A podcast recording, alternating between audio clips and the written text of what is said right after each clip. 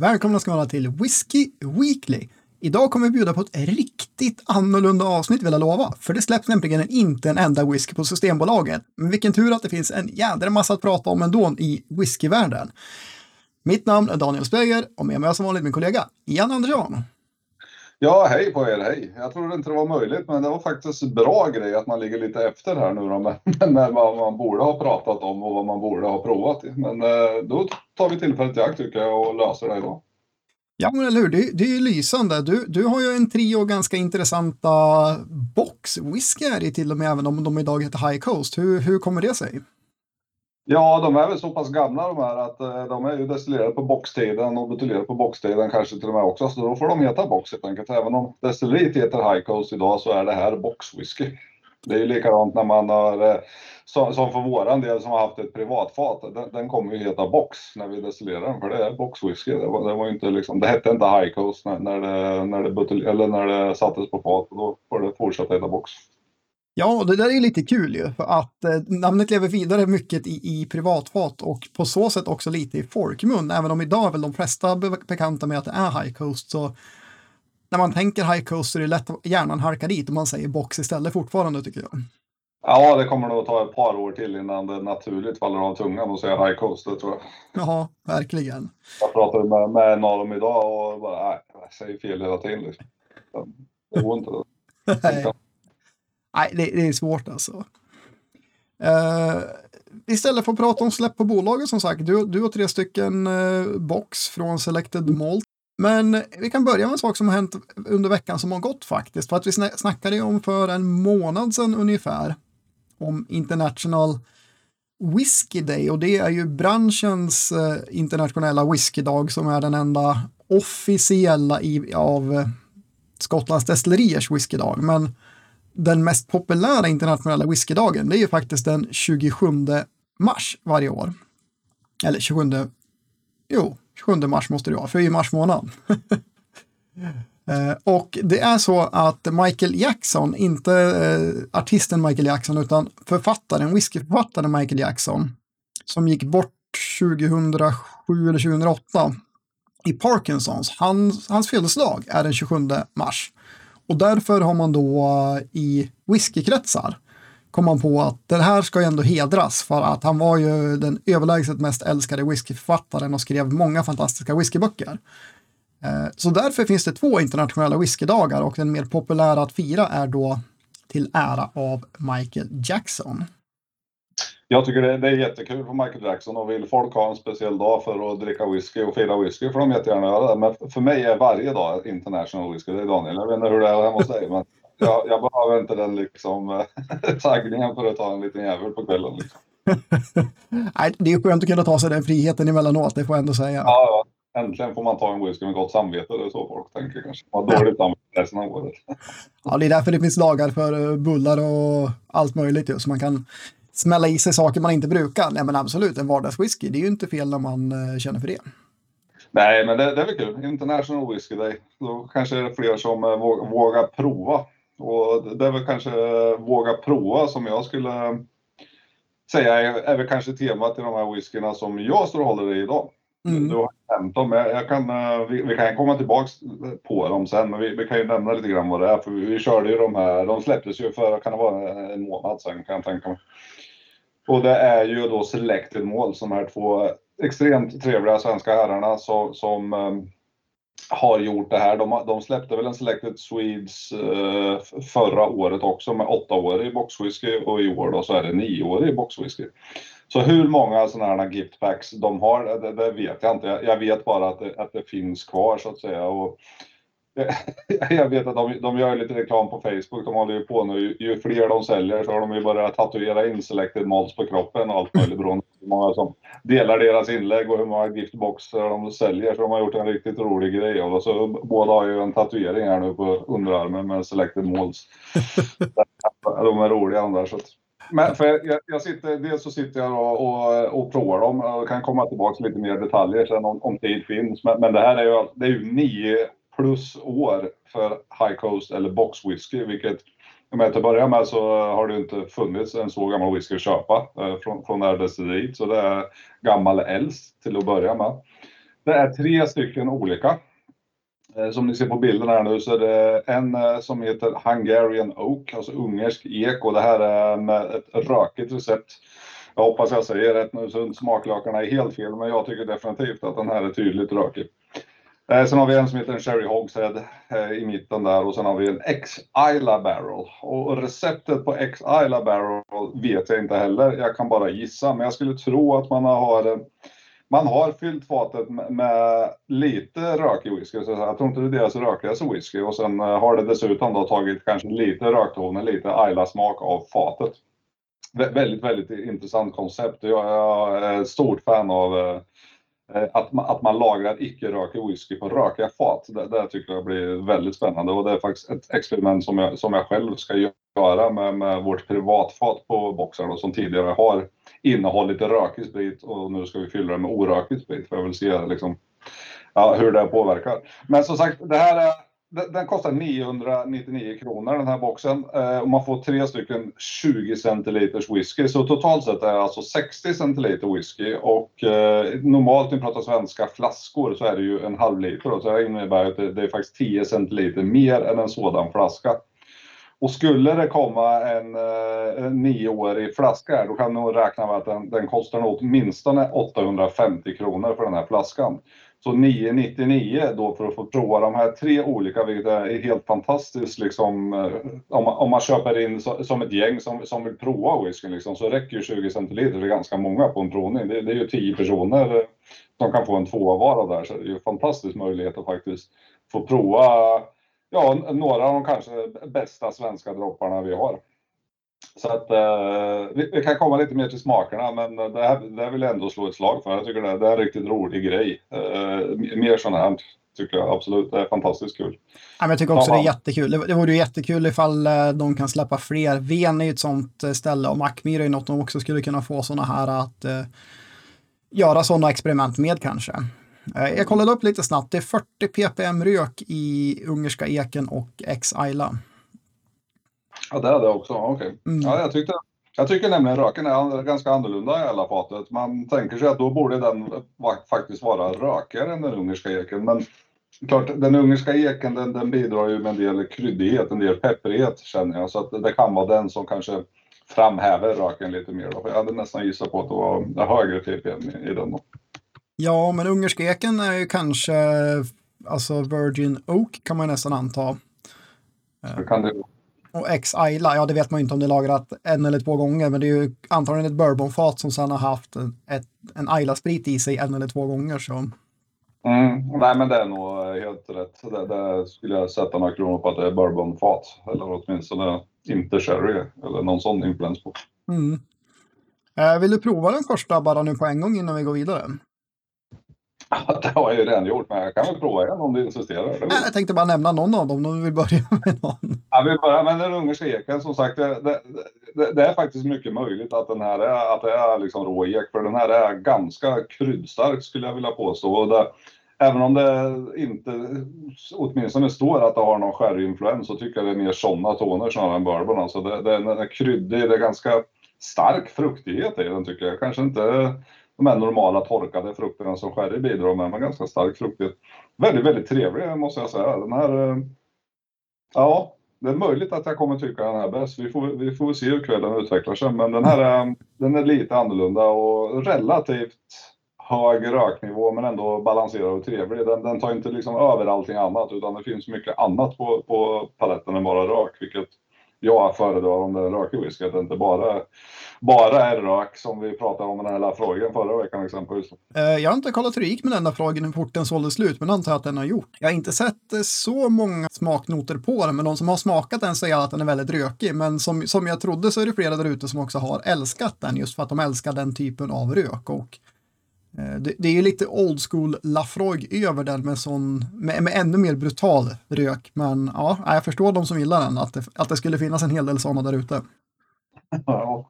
Nej, men alltså det är klart, smaken är ju som baken, det är därför det är så fantastiskt. Men eh, nej, jag, jag gillar ju rök i whisky, men när det inte finns någonting annat än rök, då, då, ja, då försvinner den lite för mig. Jag behöver lite nyanser till. Men, men som sagt, det är jag, det finns ju inga rätt och det finns ju inga fel. Så att för min del så är den här ungerska eken betydligt bättre exempelvis. Mm.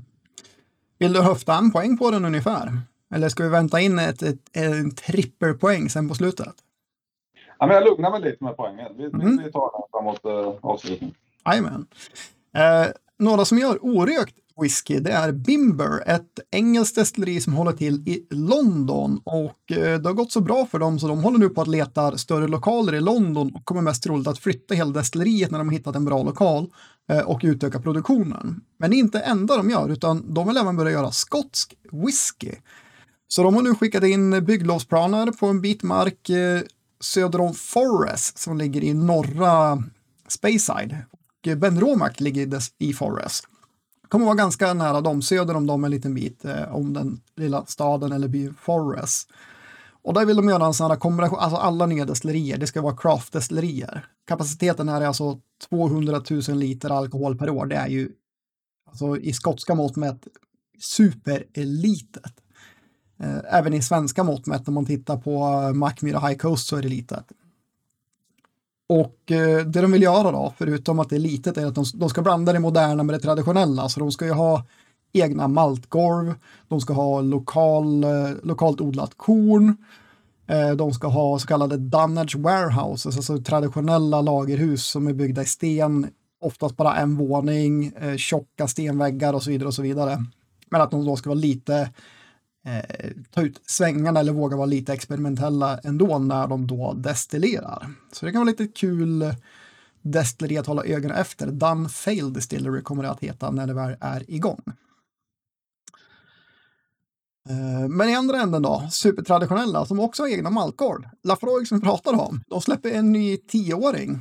Deras tioåring är ju stapelvara hos många svenska whiskyentusiaster. Eh, kom upp traditionellt sett på 40 procent. Nu kommer en ny tioåring som ska ingå i Core Range. Eh, ni som har ögonen öppna och håller koll på Lafroig vet att den här har släppts i Tyskland. Om det var misstagen i en riktig lansering vet jag inte. Offic officiellt lanseras den här den 12 april och eh, den är då en 12 till 18 månader finish på X Oloroso-fat och eh, ska kosta cirka 65 pund. Jag ska gissa på att det blir cirkus 800, max 900, men antagligen närmare 800 i Sverige. Uh, och kommer då dessutom på 48 procent. Och det här tycker jag är kul för att uh, det här sa jag med eh, uh, Glenlivet. Och nu har vi sett flera exempel. Nu kommer det på 46-48 procent mer och mer. Jag vet inte om du börjar känna pressen, de här gamla traditionella destillerierna av alla yngre som framförallt släpper på 46-48 och kan ta betalt för det för att det är entusiaster som köper flaskorna. Ja men det är väl så, alltså liksom, släpper man en lite mer limiterad utgåva, det, det är ju inte för gemene man utan det är de som har åtminstone ett whiskyintresse som är, som är publiken. Och det har ju varit mer och mer nu ska vi inte säga att vi känner hur det är i hela världen utan vi utgår ju från vår marknad och här är det ju definitivt så att 46 känns lite som en minimumgräns till vad folk vill ha. Liksom. Mm det, det är acceptabelt kanske på 43-44 beroende på vad det är för whisky. Men generellt sett så är det 46 procent och uppåt som vi whiskyentusiaster vill ha. Vi, vi vill ha möjligheten att dels kunna dricka det direkt men även kunna kanske vattna det och experimentera med det själva. Och de flesta då som, som har druckit mycket och lite starka whisky tycker då att det, det blir för urlakat och för, för eh, blaskigt när vi börjar prata 40 procent. Ja men det är ju så, alltså jättemycket god whisky vid 40 procent, men som sagt det är ju mycket roligare och mycket mer kraft i whiskyn och mer djup nästan alltid. Om det är 46 och uppåt så.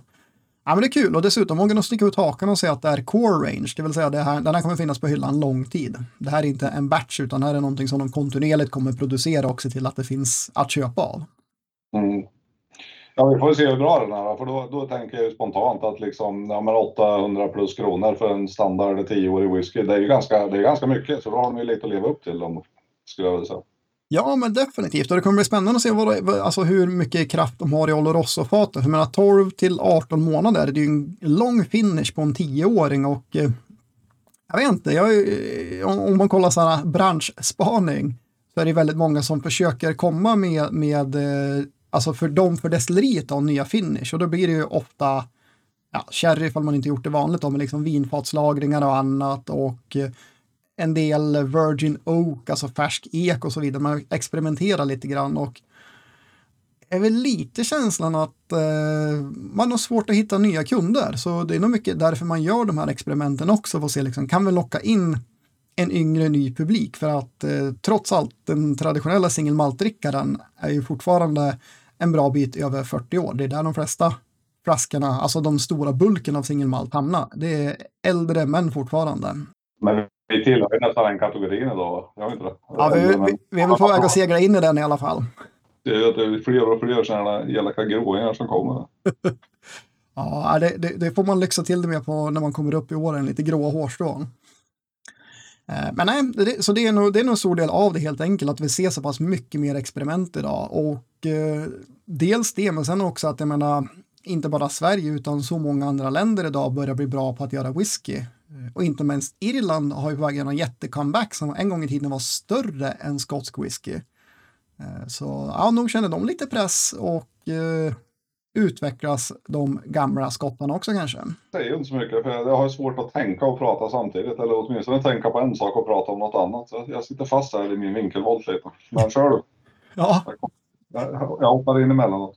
Ja, men det var, det var ett bra inspel. Ja, men vi kan titta på när du smakar lite, men det är bra, för vi vill ha bra betyg, eller vi vill ha bra betyg, vi vill ha eh, sanningsenliga betyg här vill vi ha.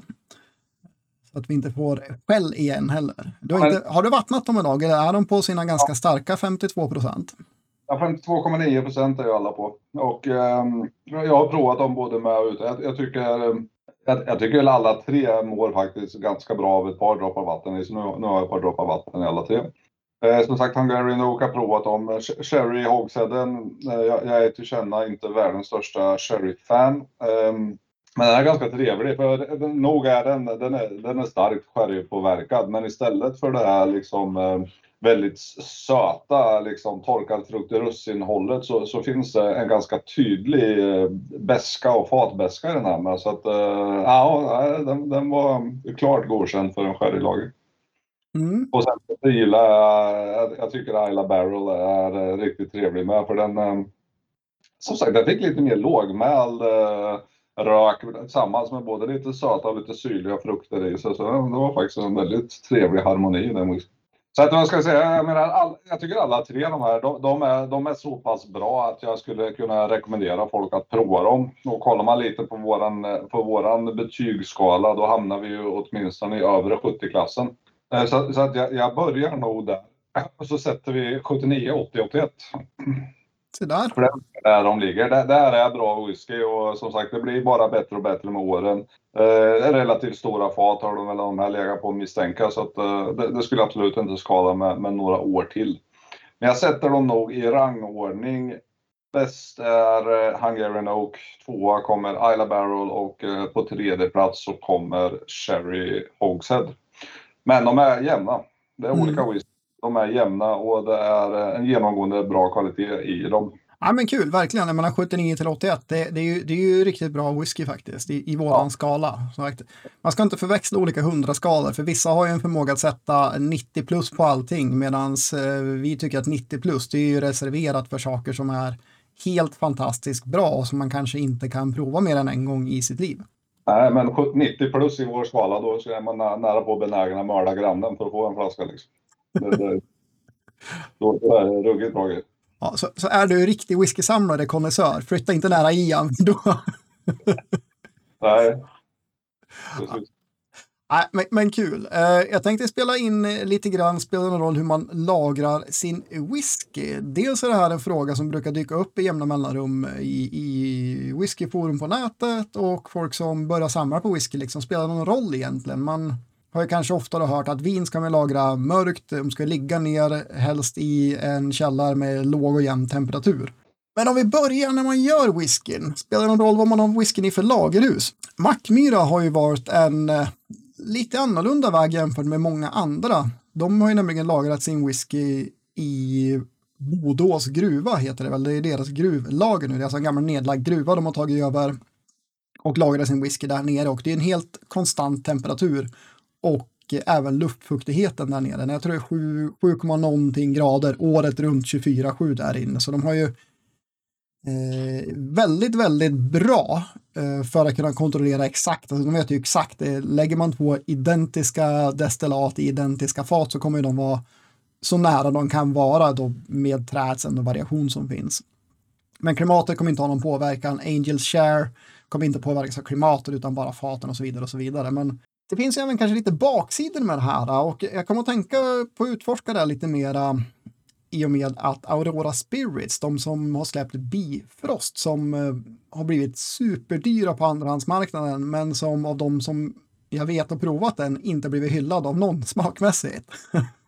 och eh, den den lagrade lagrades då i eh, gamla militärbunkrar, bland annat från andra världskriget, men även en nyare snitt före detta NATO-bunkrar i Nordnorge då, som man inte har användning av längre. Och eh, jag vet inte om de har råkat ut för lite samma problem som Mackmyra har haft. Nu verkar Mackmyra ha hittat sin väg ändå. Då. Om det är för att de har så pass bredd på faten eller vad det kan vara. Men tidigt i Mackmyra fick de ju efter några år vart ju folk lite, lite besvikna för man tänkte att när det kommer tioåringar då ska ju Mackmyra vara klar. Det är då de kommer glänsa ordentligt. Nu blir det pangwhisky, nu aktar Skottland. Men vissa tycker det absolut, men de har inte hittat den breda massan med sina tioåringar kan man ju säga.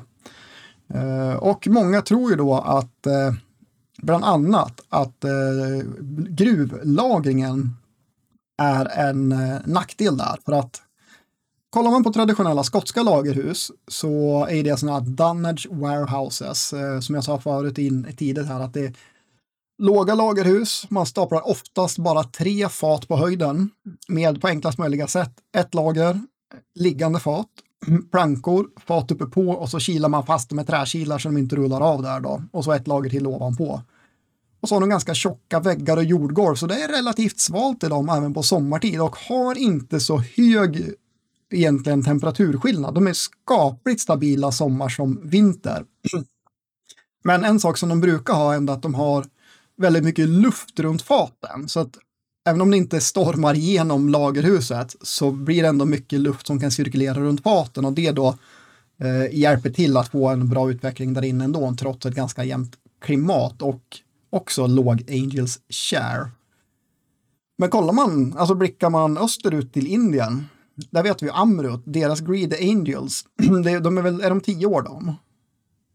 Eh, ja. Eller är de åtta till tolv? Åtta tror jag de är va? Mm. Och, och, då räknar man med att drygt hälften, om inte upp till 70 procent i vissa fat har försvunnit i Angel Share. Ja, 75 procent tror jag den sista. Ja, och det är helt vansinnigt. Men i, i Skottland i, i snitt då, tappar man 2 procent, men då räknar man ju nog jag ska inte lova vilket, vilket lagerhus det är, men, men ungefär 2% per år, medan 70% på åtta år, det är en helt enorm förlust. Ja, då förstår man ju att det blir dyra droppar som är kvar också. Ja. Med heliga. ja, men definitivt. Men jag menar, och, och den whiskyn är ju supermogen och får ju fram otroligt eh, bra komplexitet på åtta år. En åttaårig skotte som har legat i ett sånt här jordstampat eh, lagerhus. Det är ju inte många fat där som är så aktiva så att det är något spektakulärt i, i faten direkt. Nej.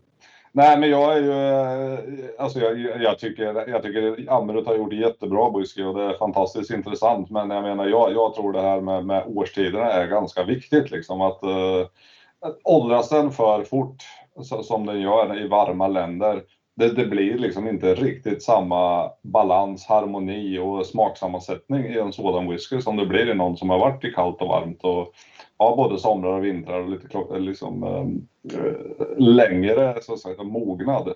Mm. jag menar om man jämför att en fyraårig indisk är lika klar som en 15-årig eh, skotsk whisky så tycker jag ändå en 15-årig skotsk whisky ljusår bättre i ren harmoni i whiskyn i drycken. Liksom. Men, men som sagt, det, det är ju smaksak. Det finns ju fantastiskt många där ute som hyllar eh, Amrut och Company till skyarna. Men, och de smakar ju oerhört mycket. Det blir väldigt, väldigt smakrikt och smakstarkt. Men det, det och ja, gillar man det så absolut. Men, men för min del så ta, ta gärna sin tid på sig. Kvalitet, det går inte att stressa fram. Liksom. Nej, och vissa av de här gamla tonerna som kommer efter liksom 18 eh, år plus upp på 30, sådär, mm. de här liksom gamla dammiga bibliotekslagertonerna och mycket estrar och sånt. Det, det, kan vara väldigt svårt att få fram när man skyndar på en lagring så. Vi ska säga att Amrut också, de har ju grävt ner delar av sina lagerhus. Alltså man har inte ställt dem på backen utan man sätter dem en bit halva ner i jorden för att få ett svalare klimat och försöka minska den här Angel Sharon som är så extrem. Ja. Men ja. Nej, Ärad vaxduk som man eh, sakta rullar ihop och tänder på och röker ner i en fuktig källare. Det, det tror jag tror lång tid innan vi hittar i Indien. Alltså. ja, då har de gjort något annorlunda. Men det kanske är väldigt nordliga Indien då när de är uppe i, i bergen på riktigt där i ja, ja. Himalaya-kedjorna. Ja, men det är så, man säger det att upp till 75 procent av smaken med whisky kommer ju från fatet. Så att det, det, är klart att fatet är otroligt viktigt, men hur man lagrar fatet spelar också roll. Eh, och vi får se de här Aurora Spirits, de har precis byggt vad som kan liknas ett eh, långhus, alltså ett vikingahus. Som de ska ha som lager och besökscenter just för att få en, en större påverkan av klimatet. Men de säger fortfarande att det är byggt med tjocka träväggar. Så det kommer vara ungefär som ett traditionellt skotskt lagerhus. De är hyfsat jämnt klimat, men du får ändå påverkan av, av eh, att det står på mark och vad det är för klimat utanför. Nej, jag vet inte hur det påverkar, men på något sätt så är det väl kanske en emotionell känsla. Man, man ser ett lagerhus som står i minus 30 grader och snöstorm där uppe, så känner man att ah, men det här kommer ju vara ett häftigt intryck på whiskyn på något sätt. Sen är det nog ren, ren och skär spekulation från min sida. ja, men, absolut. Men kollar man i Skottland, de här traditionella lagerhusen, jag, jag, vet inte hur många procent som ligger i sådana lagerhus i Skottland, men det är nog antagligen en ganska liten del. Det vanligaste i Skottland är ju att man lägger dem i rack i flera, flera våningar och förekommer även att man lägger på pall i flera våningar, alltså många meter upp i tak. Och, eh, kollar man i USA så är det ganska vanligt, både rack och pall. Och där förordar man då rack, eh, racklager på grund av att man ofta har mer utrymme mellan faten, de ligger ner, eh, mindre risk för läckage. Eh, men man har dem ganska högt upp där också och då blir utmaningen att i takhöjd, ifall man inte har en jädra luftcirkulation, då blir det väldigt varmt där på somrarna. Medan de som är långt ner, det nedersta lagret, utvecklar sig mycket långsammare på grund av att, eh, som du sa igen, värmen, det expanderar i vätskan och trycker ut den i fatet så att du får mycket mer, alltså expanderar ut på sommaren och sen så bara natten drar in lite grann sådär och sen på vintern då sugs allting in i fatet igen så att man får en väldigt häftig cykel. De borde, borde ju ha den så här, som ett höglager liksom då, med roterande så du kan liksom flytta på den runt så här också. Så att kanåret är här nere och andra där uppe och lite mitt emellan. Det måste ju bli liksom det perfekta. Då. Ska vi uppfinna ett paternosterverk för whiskylagring? Ja, men där går de med ett vanligt paternosterverk kan jag tänka. Så länge det är rätt dimensionerat och tål lite vikt så. Ja, det har du helt rätt i. Det vore ett kul experiment. Nej, men jag, jag, jag kollade upp lite grann, alltså, så i USA, Jim Beam då, de har eh, palllager och rack. Och de säger det, pallagren, och man använder dem på grund av utrymmesbesparing och för att det går så jädra fort att ställa och ta ut de här pallarna med, med eh, gaffeltruckar. Eh, men en utmaning de har är att faten står tätt och pallen isolerad isolerar också, så står det pall på pall på pall. Och det gör att det blir mycket mindre luftcirkulation där och de är oftast högre än racklagren. Och de här husen har också alltid mycket tunnare väggar och så vidare än ett liksom stenlagerhus. Eh, men de får mycket klimat där och de, de har utmaning att eh, den utvecklas annorlunda. Samma höjd i ett sånt här rackhus så blir den mognare, de, eller mognare, den, den åldras på ett bättre sätt säger de. Så att eh, de som står i pallagerhusen, en jättestor andel av det, det går i deras white label som är liksom lägsta entry level Jim Beam. Eh, och trots det då så blandar de i whisky från de här racklagerhusen för att få rätt smakprofil på den. Eh, och eh, ja, det säger väl en del om att det, det, spelar faktiskt roll om hur man lagrar sin whisky. Eh, tar man ögonen till Skottland så de här större destillerierna som till exempel Glenfiddich har ju, alltså både Glenfiddich och Belvenny har ganska mycket sådana här Dunnage warehouses. Det är ju bara de man får se. Ifall du besöker ett destilleri de har ett sånt, då är det det du får se i princip. Väldigt sällan får du se någonting annat. Du kan få se låga rackhouses, men nästan alltid är det sådana Dunnage man får se då. Eh, men Glenfiddich och Belvinny, de har också så här racklagerhus och eh, de säger det att det är jämförbart med deras Dunnage warehouses och enligt deras mätningar och flera andra så är det samma årstemperatur, alltså snitttemperaturen på ett helt år är densamma i ett sånt lagerhus som i ett sånt här Dunnage warehouse, alltså traditionellt med tjocka stenväggar. Eh, men de säger det då att det, är en liten utmaning att det är ju varmare högre upp i de här racklagerhusen så man måste vara lite mer medveten om vilka fat som ligger vart då. Eh, ja, men även om det är samma snitttemperatur menar jag så kan det ju vara liksom både högre toppar och djupare dalar under årets gång. Sen hamnar man på samma snitt. Där, där föreställer jag mig i alla fall att det skulle ändå ha en påverkan och göra skillnad på. Men det tror jag också. Jag, jag, jag, tror att, att de tycker att det är jämförbart och att de har faktiskt så pass bra koll och stort urval av fat så de kan få fram den profilen de vill och bara mixa och matcha helt enkelt. Men, men absolut, av det man läser och hör och när man funderar efter och ser vad som händer på olika platser i världen. Så det spelar stor roll om hur den ligger på fat. Mm. Men sen, det mest spännande och det som efterfrågas, det är ju hur lagar man sin whisky hemma egentligen? Och eh, ja, vad du gör igen sa ju det. Svalt, mörkt, stående flaskor. Helst i magen, men om man måste ha den kvar i flaskan så absolut. Inte i direkt solljus, det är väl kanske det absolut viktigaste. Ja, men eller hur? Och eh, det här med stående flaskor, varför har man det egentligen istället för liggande som man har när man lagrar vin? Ja, det, det är ju sprit vi talar om nu till att börja med. Men en kork är ju ihopsatt av limmat material så att om, om du har en spritflaska liggandes ner så kommer ju alltså alkoholen kommer ju att fräta sönder den här korken. Så att om du får, köper en flaska där korken går av när du öppnar den så är det ju troligtvis att den har legat ner för länge. Mm. Det är ju helt enkelt av den anledningen. Sen kan man vända på dem ibland och bara fukta korken och sen ställa tillbaka den liksom för att den inte ska torka ut också. Men eh, de ska absolut inte ligga ner mer än eh, nödvändig tid om man transporterar den från bolaget etc. Men, men eh, inte ligga ner. Nej, precis. Hög alkohol och naturkork är inget bra, bra experiment. Jag är själv nyfiken på hur vad skulle hända. För det, alltså idag är det vanligt, inte bland skotsk whisky, men väldigt många andra, att man har gummikorkar. Hur alkohol påverkar gummi. Är det helt opåverkat så det skulle gå bra att ha det liggandes? Eller skulle den fräta upp gummit så det blir någonting riktigt äckligt i flaskan? Ja, kanske det som händer. Den luktar så gammal torr cykelslang liksom. Det är kanske det de har gjort. Jag vet inte. Mm. Nej, jag, jag, har svårt att, jag, jag, jag är inte någon kemisk expert, men jag har svårt att tro att det skulle göra så stor påverkan på en sån där hård gummikork. Men eh, ja, men vad vet jag? Nej, man, man, vet faktiskt inte. Men en person som ville ta reda på hur man lagrar sin whisky, och det här är ju ett par, ett par tre år sedan nu, men det var Mattias Claesson, stor whiskyentusiast. Han eh, tog helt enkelt sonika och köpte in åtta stycken Bowmore Lime Rig, eller Lime Rick Batch 3. Och eh, ja, han ville verkligen prova det här. Alltså, de här åtta stycken lagrade han på olika sätt i två år fick de lagras så. Och eh, en flaska slängde han i frysen för att se liksom, okej, okay, om man verkligen fryser ner den, spelar det någon roll eller blir det liksom superbevarat?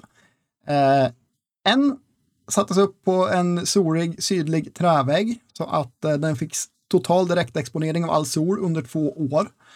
Eh, en var tejpad inomhus till en maskin som höll det där utrymmet i konstant 45 grader. Och eh, nu ska vi se, och just en annan flaska var exponerad för ojämna temperaturer där temperaturtoppen nådde 40 grader varje dag. Så han hade väldigt, väldigt stora cykler då. Eh, och sen så hällde han även i en del i två petflaskor av så här billiga, alltså billiga pantflaskor typ. Och till slut då så eh, använde han en flaska, originalflaska, som han sparade 10 centiliter i, alltså bara lite i botten för att se eh, hur blev den här då när man lämnar en whisky med bara lite kvar i. Och en som var halvfylld och en referenswhisky då, som var lagrad mörkt eh, i jämn temperatur, lite svalt inomhus. Nej, jag, jag, jag kommer inte ihåg detaljerna. Jag, jag, vet ju vilken som fick sämst resultat i alla fall. Det, kommer jag ihåg. Men, uh... Ja. ja, och det var ju solljuset. Alltså den, den var ju av den här expertpanelen. Och han skickade ut de här till olika eh, whiskyexperter i Sverige då. Och den var i princip odrickbar. Eh, hade tappat nästan all sin färg också, den som var utsatt för sol, solsken. Mm. Jag har för mig att eh, den som eh, låg i frysen, va? Den, var, den var inte sådär jättepåverkad. Nej, alltså generellt så tyckte de, vissa tyckte att den var identisk med den så kallade referensflaskan medan flera då tyckte att den var lite, lite tamare både på näsa och, och smak, men att i stort att den hade ganska liten påverkan. Det dålig dryck, eh, det måste man ändå säga då. Ja, verkligen. Men en intressant sak var att den här som var fasttejpad i 45 grader, då tänker man det där kommer vara varmt. Här kommer det försvinna mycket ur flaskan. Men det är klart, på två år kanske det inte hinner hända så supermycket, men de flesta tyckte att den här fortfarande var bra, lite sötare, lite ekigare, men också hade den ett äldre intryck och det kan man ju då tycka matchar väldigt bra med det vi snackade om med Amrut, att de får fram bra whisky på kort tid i hög värme. Mm. Så, men det låter konstigt att det ska göra det i en glasflaska.